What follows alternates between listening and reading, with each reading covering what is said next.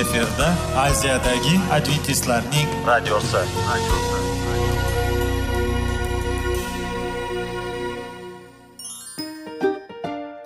assalomu alaykum aziz radio tinglovchilar sog'liq daqiqasi rubrikasiga xush kelibsiz. Zero tananing sog'lom bo'lishi va uning kasalliklardan saqlash har bir insonning burchi hisoblanadi. Inson uchun bebaho boylik bu sog'liq salomatlikdir. Uni asrash esa har birimizga omonat qilib berilgan. Shuning uchun ham inson o'z sog'lig'ini ehtiyot qilishi va ajib amallardan hisoblanadi. Dono xalqimiz sog'liq tuman boylik deb bejiz aytmagan. Aql idroq sohibi bo'lgan inson o'z hayotini qadrlashi lozim bo'ladi. Hozirgi kunda qanchalik dori darmonlar ko'paymasin tibbiy muassa sifati shifokorlar vasiyasi tibbiy texnika yaxshilanmasin.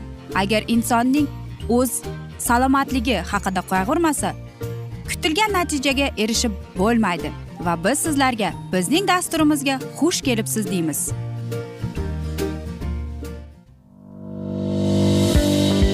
Sog'liq daqiqasi soliqning kaliti qiziqarli ma'lumotlar faktlar.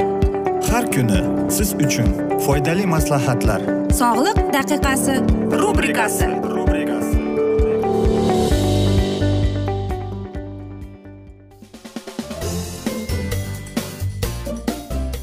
assalomu alaykum aziz radio tinglovchilar. Dasturimizga xush kelibsiz va biz sizlar bilan sog'liq formasi degan dasturda xushvaqt bo'ling deb aytamiz va bugungi bizning dasturimizning mavzusi bir umr parhezda deb ataladi tasavvur qilaylik siz orzuyingizdagi porsche panamera degan mercedes benz s klass yoki audi a sakkiz avtomobilini sotib oldingiz.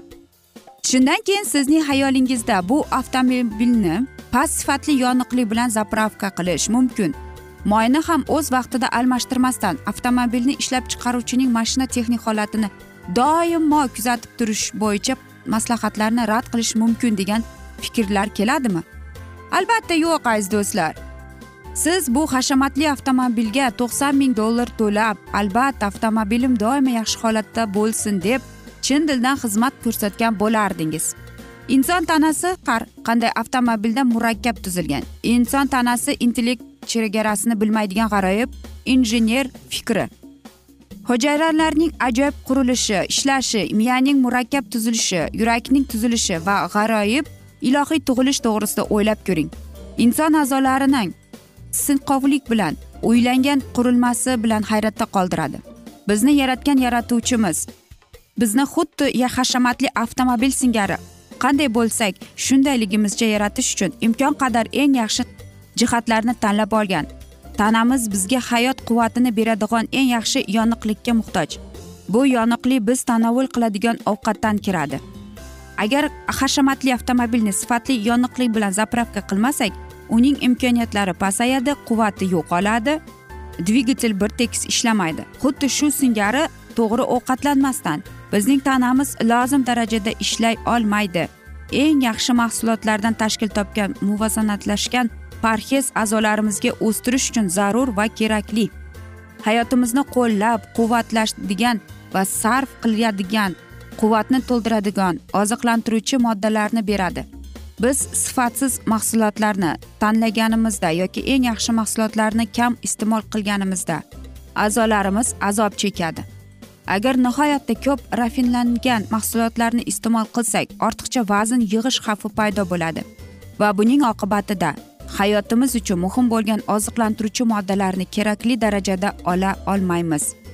Bizni yaratgan sog'lig'imiz yaxshi bo'lishi uchun nima qilgan bo'lsa hozir ham shunday qilishda davom etmoqda. Shuning uchun biz sog'lig'imiz haqida g'amxo'rlik qilishimiz lozim. Havoriy yuhano ibodat qilganda shubhasiz rabbiyning xohishini ifoda etdi. Mahbubim sening joning huzur topgandek yana har jihatdan huzur topib sog' salomat bo'lishingizni tilayman deb. Sog'liq haqida g'amxo'rlik biz masihiylar sifatida bajarayotganday diniy majburiyatlarimizga qo'shimcha ravishda qilishimiz kerak bo'lgan nimadir emas. Biz masihiyligimiz ajralmasi elementi bizga nisbatan xudo rejasining bir qismi noto'g'ri tushunmang. Biz ovqat bilan osmonga o'zimizga yo'l tayyorlaymiz. Ammo biz sifatsiz ovqatlarni iste'mol qilib bizning hayotimizga nisbatan xudoning rejasi barbod qilishimiz mumkin. Chunki bunday ovqatlanish oldini olish mumkin bo'lgan xastalik va o'limni ertaroq olib keladi. Biz iste'mol qilayotgan mahsulotlar juda muhim deb o'zingizni o'zingiz aldamang. Albatta aziz do'stlar sog'lom ovqatlanish bu albatta hamma ham bunga sabr qilolmaydi masalan qaynatilgan go'sht yoki bir necha bor ya'ni qaynatilgan go'sht bo'lsa ham uni bir necha bor qaynatish kerak. Yoki aytaylikki dudlangan sabzavotlar. Biz aytamizki shu ham parhezmi yoki u mazzasizku deb aziz do'stlar nima bo'lgan chog'ida ham bilasizmi? Psixologlar aytadiki mazasiz e, ovqat eng foydali ovqat deb aytar ekan. Nega?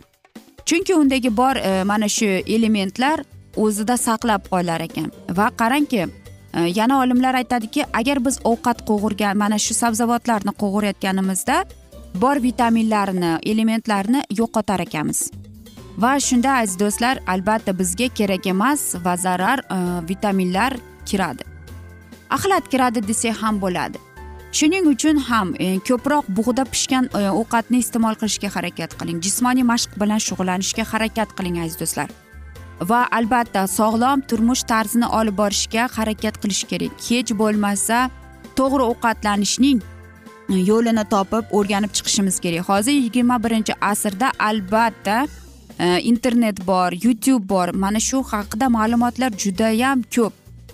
Va qanday ovqatlanasiz qanday o'zingizga parhez tanlaysiz bu sizning tanlovingiz bo'ladi.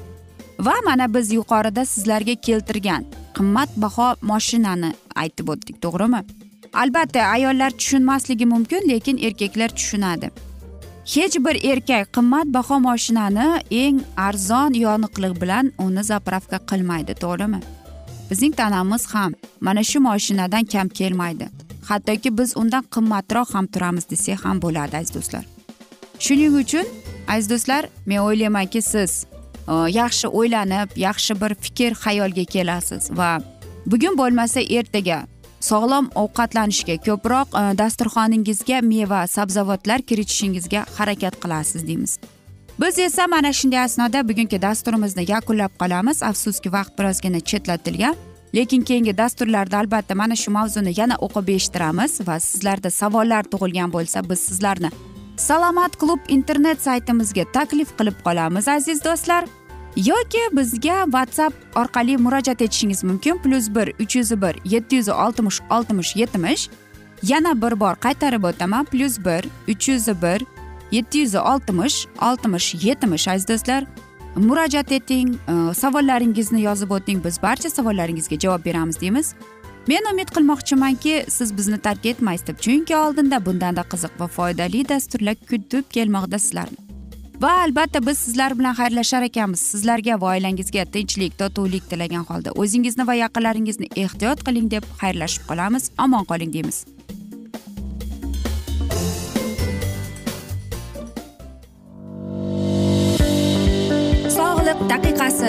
Soliqning kaliti qiziqarli ma'lumotlar faktlar. Har kuni siz uchun foydali maslahatlar. Sog'liq daqiqasi rubrikasi.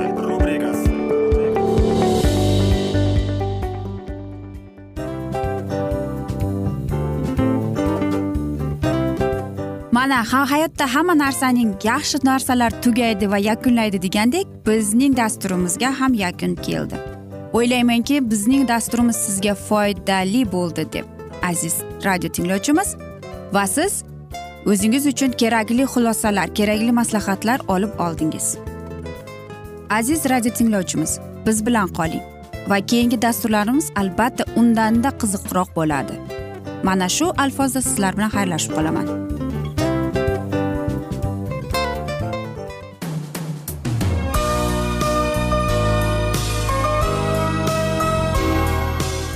Efirda aziyadagi adventistlarning radiosi.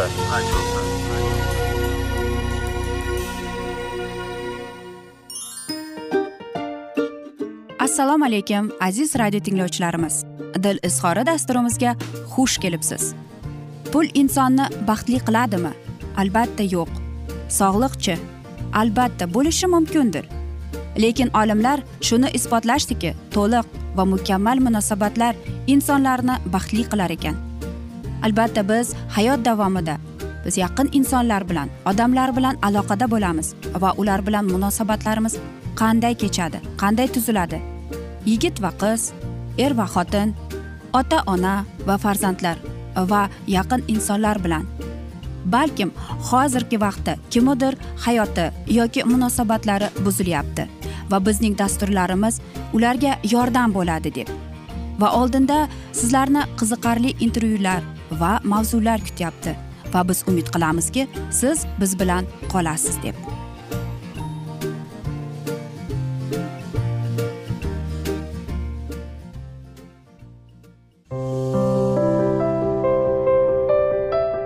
Har kuni har xil kasbdagi odamlar bilan sirlashish va bo'lishish sevgi rashq munosabat.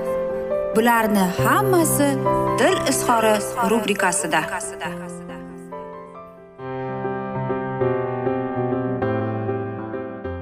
Assalomu alaykum aziz radio tinglovchilar. Dasturimizga xush kelibsiz va biz sizlar bilan oltin qo'llar degan dasturni o'qib eshittirishni boshlagan edik va bugungi bizning dasturimizning mavzusi bu yoqimsiz xarakter deb ataladi.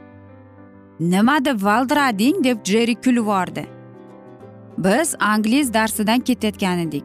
Albatta bizning atrofimizda ko'plab bolalar bor edi lekin jerining ovozi butun mana shu shovqinni bosib qo'ydi. Men yelkalarim bilan qisib qo'ydim xolos. Bilasizmi mening xatoyim meni uyaltirardi va men xohlamas edimki hamma menga e'tibor berishini.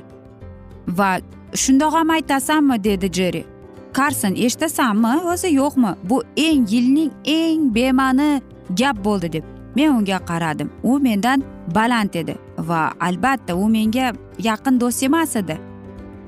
Keyin men aytdim sen ham o'zing bema'ni narsani gapirdingku? deb. Qachon? deb so'raganda ha bir hafta murun.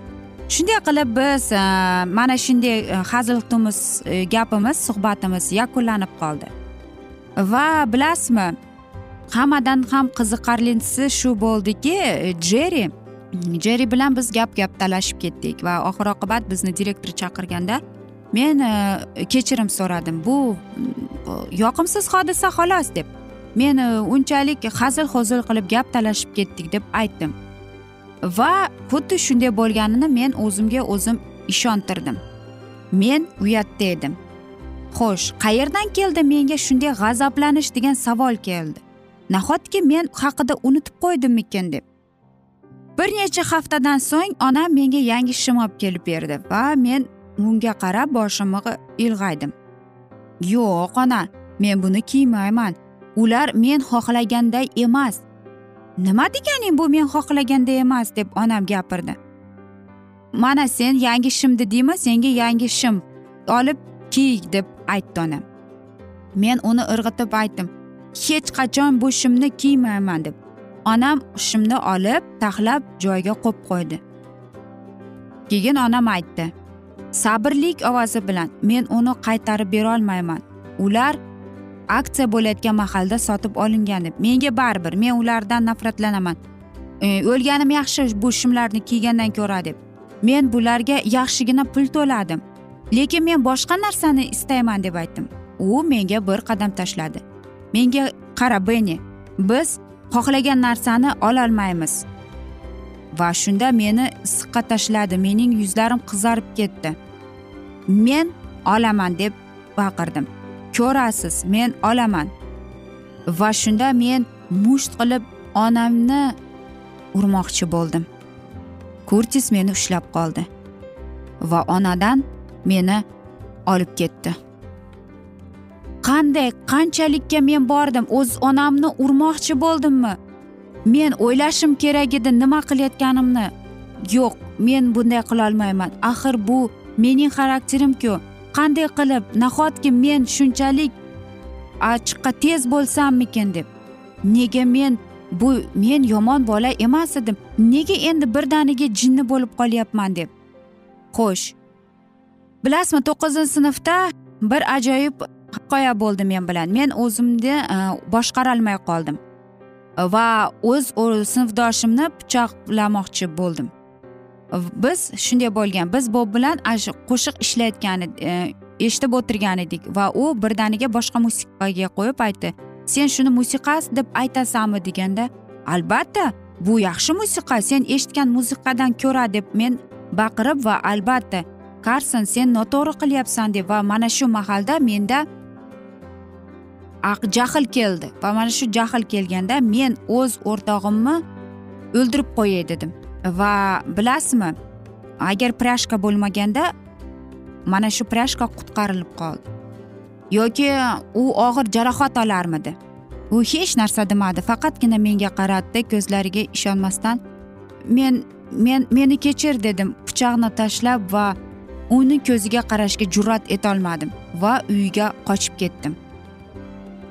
Albatta yaxshiyamki uyda hech kim yo'q edi chunki u mahalda men hech kimni ko'rishni istamasdim. Men e, vannaga kirib eshikni quflab va shu yerda yolg'iz o'tirib o'tiribdim. Uzoq vaqt o'ylanib o'tirdim. Men bobni o'ldirmoqchi bo'ldim. Men o'z do'stimga pichoq taqadim. Qancha ko'zimni yummay mana shu desa ko'zim oldiga keladi. Mening qo'lim pichoq mening qo'lim va albatta bobning yuzi. Men sakkiz yoshimdan vrach bo'lishni istayman shifokor bo'lishni. Axir qanday? Mening mana shunday eng yomon e, xarakterim bilan qanday qilib men vrach bo'la olaman degan savol keldi. Men o'zimni bunday tuta olmayman haqqim ham yo'q deb. Xo'sh qanchalik men azoblandim qanchalik men o'ylandim. Lekin o'ylab o'ylab. Bir narsa yodimga keldi. Onam onam menga aytar edi nima bo'lgan chog'ida ham xudoga ibodat qilgin deb. Onam meni ibodat qilishga o'rgatdi deb. Va u aytar edi qarangki yillar o'tgan sari va men ibodat qilib o'rgandim va mana shu ibodat orqali menda kelayotgan jahl jaholat va, va mana shu aytaylikki vajolat kelayotganda men ibodat qilaman u va xudo menga yordam beradi. Hamma narsaning o'zining sababi bor. Xo'sh o'n to'rt yoshdan men o'zimning kelajagim haqida o'ylashni boshladim. Aziz do'stlar mana shunday asnoda esa biz bugungi dasturimizni yakunlab qolamiz. Afsuski vaqt birozgina chetlatilgan lekin keyingi dasturlarda albatta mana shu mavzuni yana o'qib eshittiramiz va men o'ylaymanki sizlarda savollar bor. Agar shunday bo'lsa biz whatsapp orqali suhbat qilishimiz mumkin. Plyus bir uch yuz bir yetti yuz oltmish oltmish yetmish aziz do'stlar. Va biz sizlar bilan xayrlashar ekanmiz. Sizga va oilangizga tinchlik totuvlik tilab o'zingizni va yaqinlaringizni ehtiyot qiling deb seving seviling deb xayrlashib qolamiz.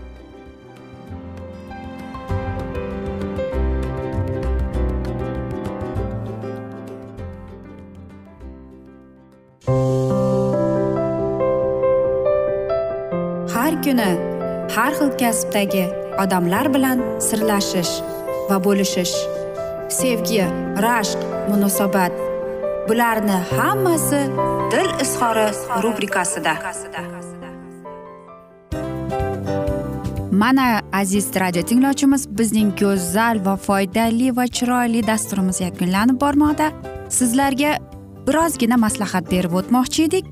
Bir biringizni seving qadringizga yeting. Va erkalang albatta bir biringizni va sizga judayam chiroyli va mustahkam munosabatlar tilab qolamiz albatta. Sevgilingiz doimo yoningizda bo'lsin. Mana shu borada sizlar bilan xayrlashib qolamiz. Xayr.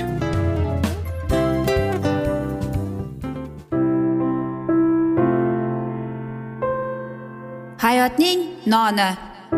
Qiziqtirgan savollar va javoblar. Buning hammasi ko'ngil uchun oziqa rubrikasida.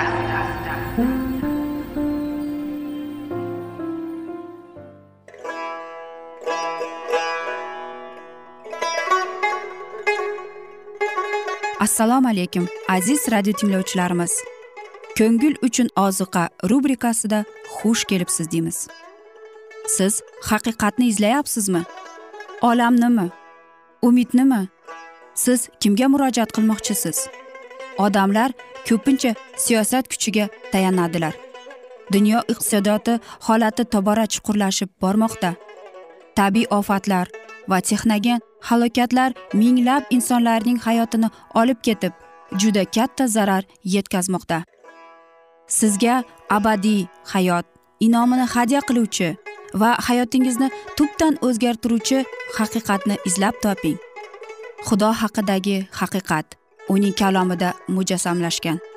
Kimki bu haqiqatni butun qalbi bilan izlasa albatta unga yetishadi. Bu sevgi xudoning tarixidir.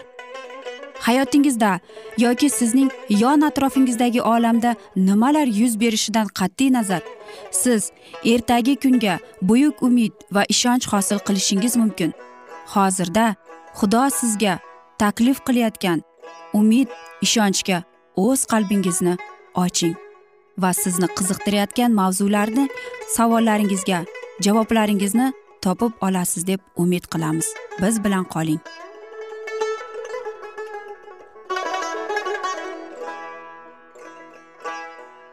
Assalomu alaykum aziz radio tinglovchilar. Dasturimizga xush kelibsiz va biz sizlar bilan ulug' otalar va payg'ambarlar deb nomlangan Э, kitobni o'qib eshittirishni boshlagan edik va bugungi bizning dasturimizning mavzusi o'n ikki ayg'oqchilar deb ataladi va biz sizlar bilan o'tgan galgi mavzuni yana davom ettiramiz.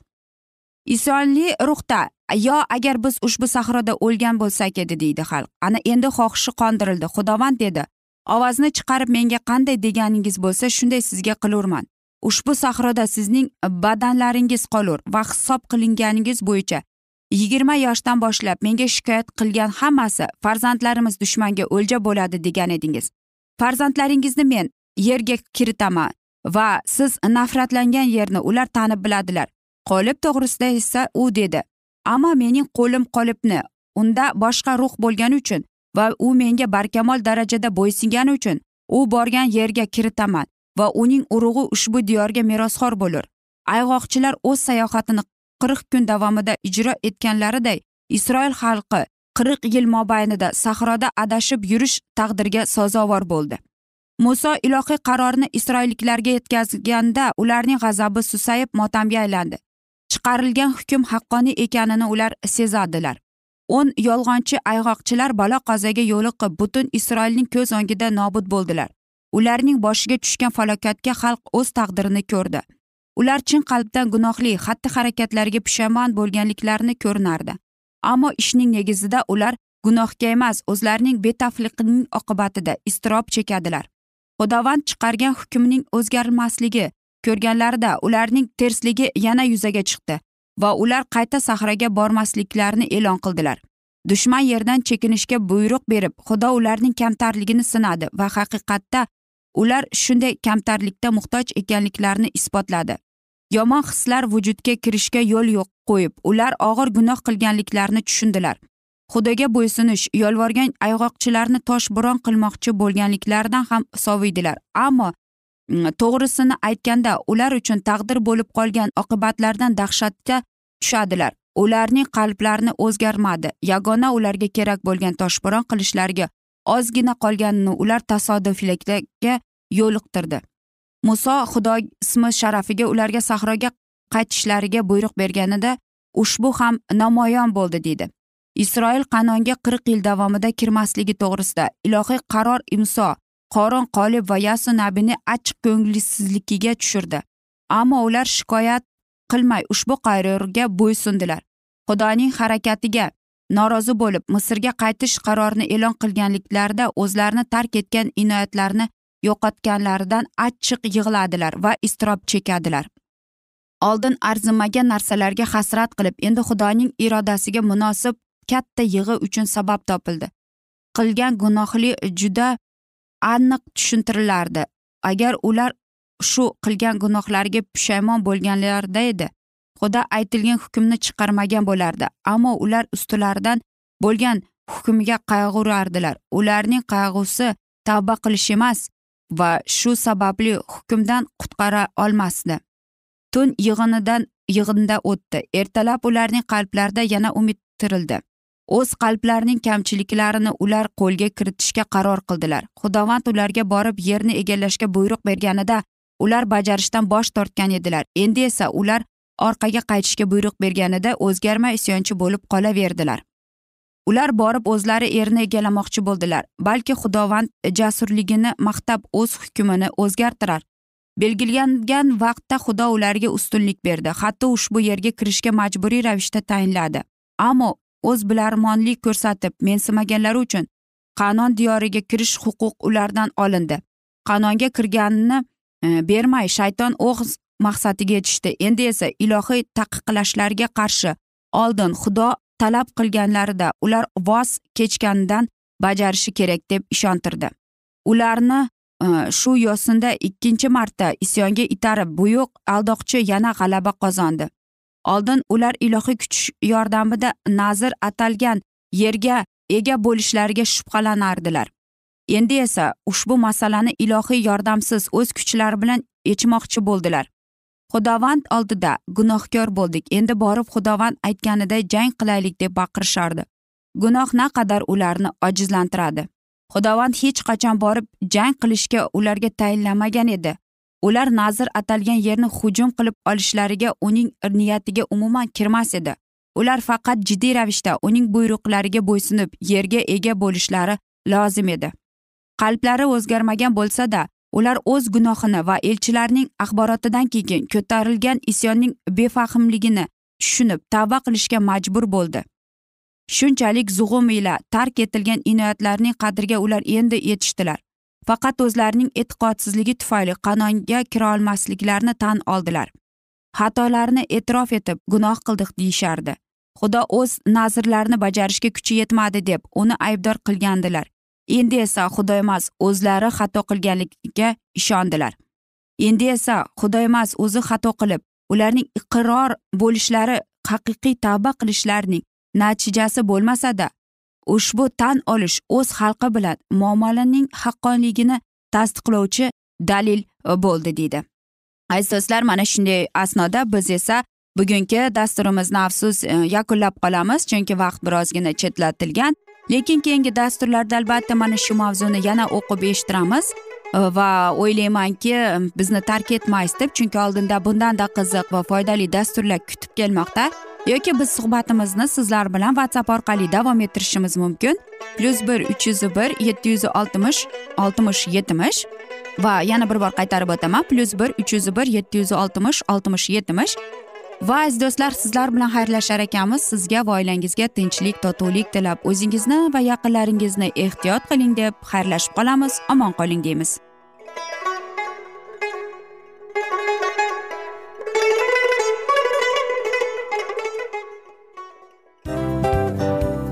A afsus afsus. Hamma yaxshi narsaning ham yakuni bo'ladi degandek bizning foydali va qiziqarli dasturlarimiz ham yakunlanib qoldi. Va men umid qilamanki bizning dasturlar sizga ozgina bo'lsada maslahat berdi foyda berdi. Va sog'liq borasida ayniqsa sizlarga foydali bo'ldi deb.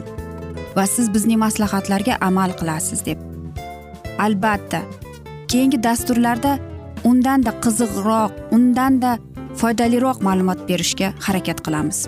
Undada qiziqroq ko'rsatuvlar sizlarga hadya etishga harakat qilamiz. Bizni tanlaganingizga albatta sizlardan minnatdormiz.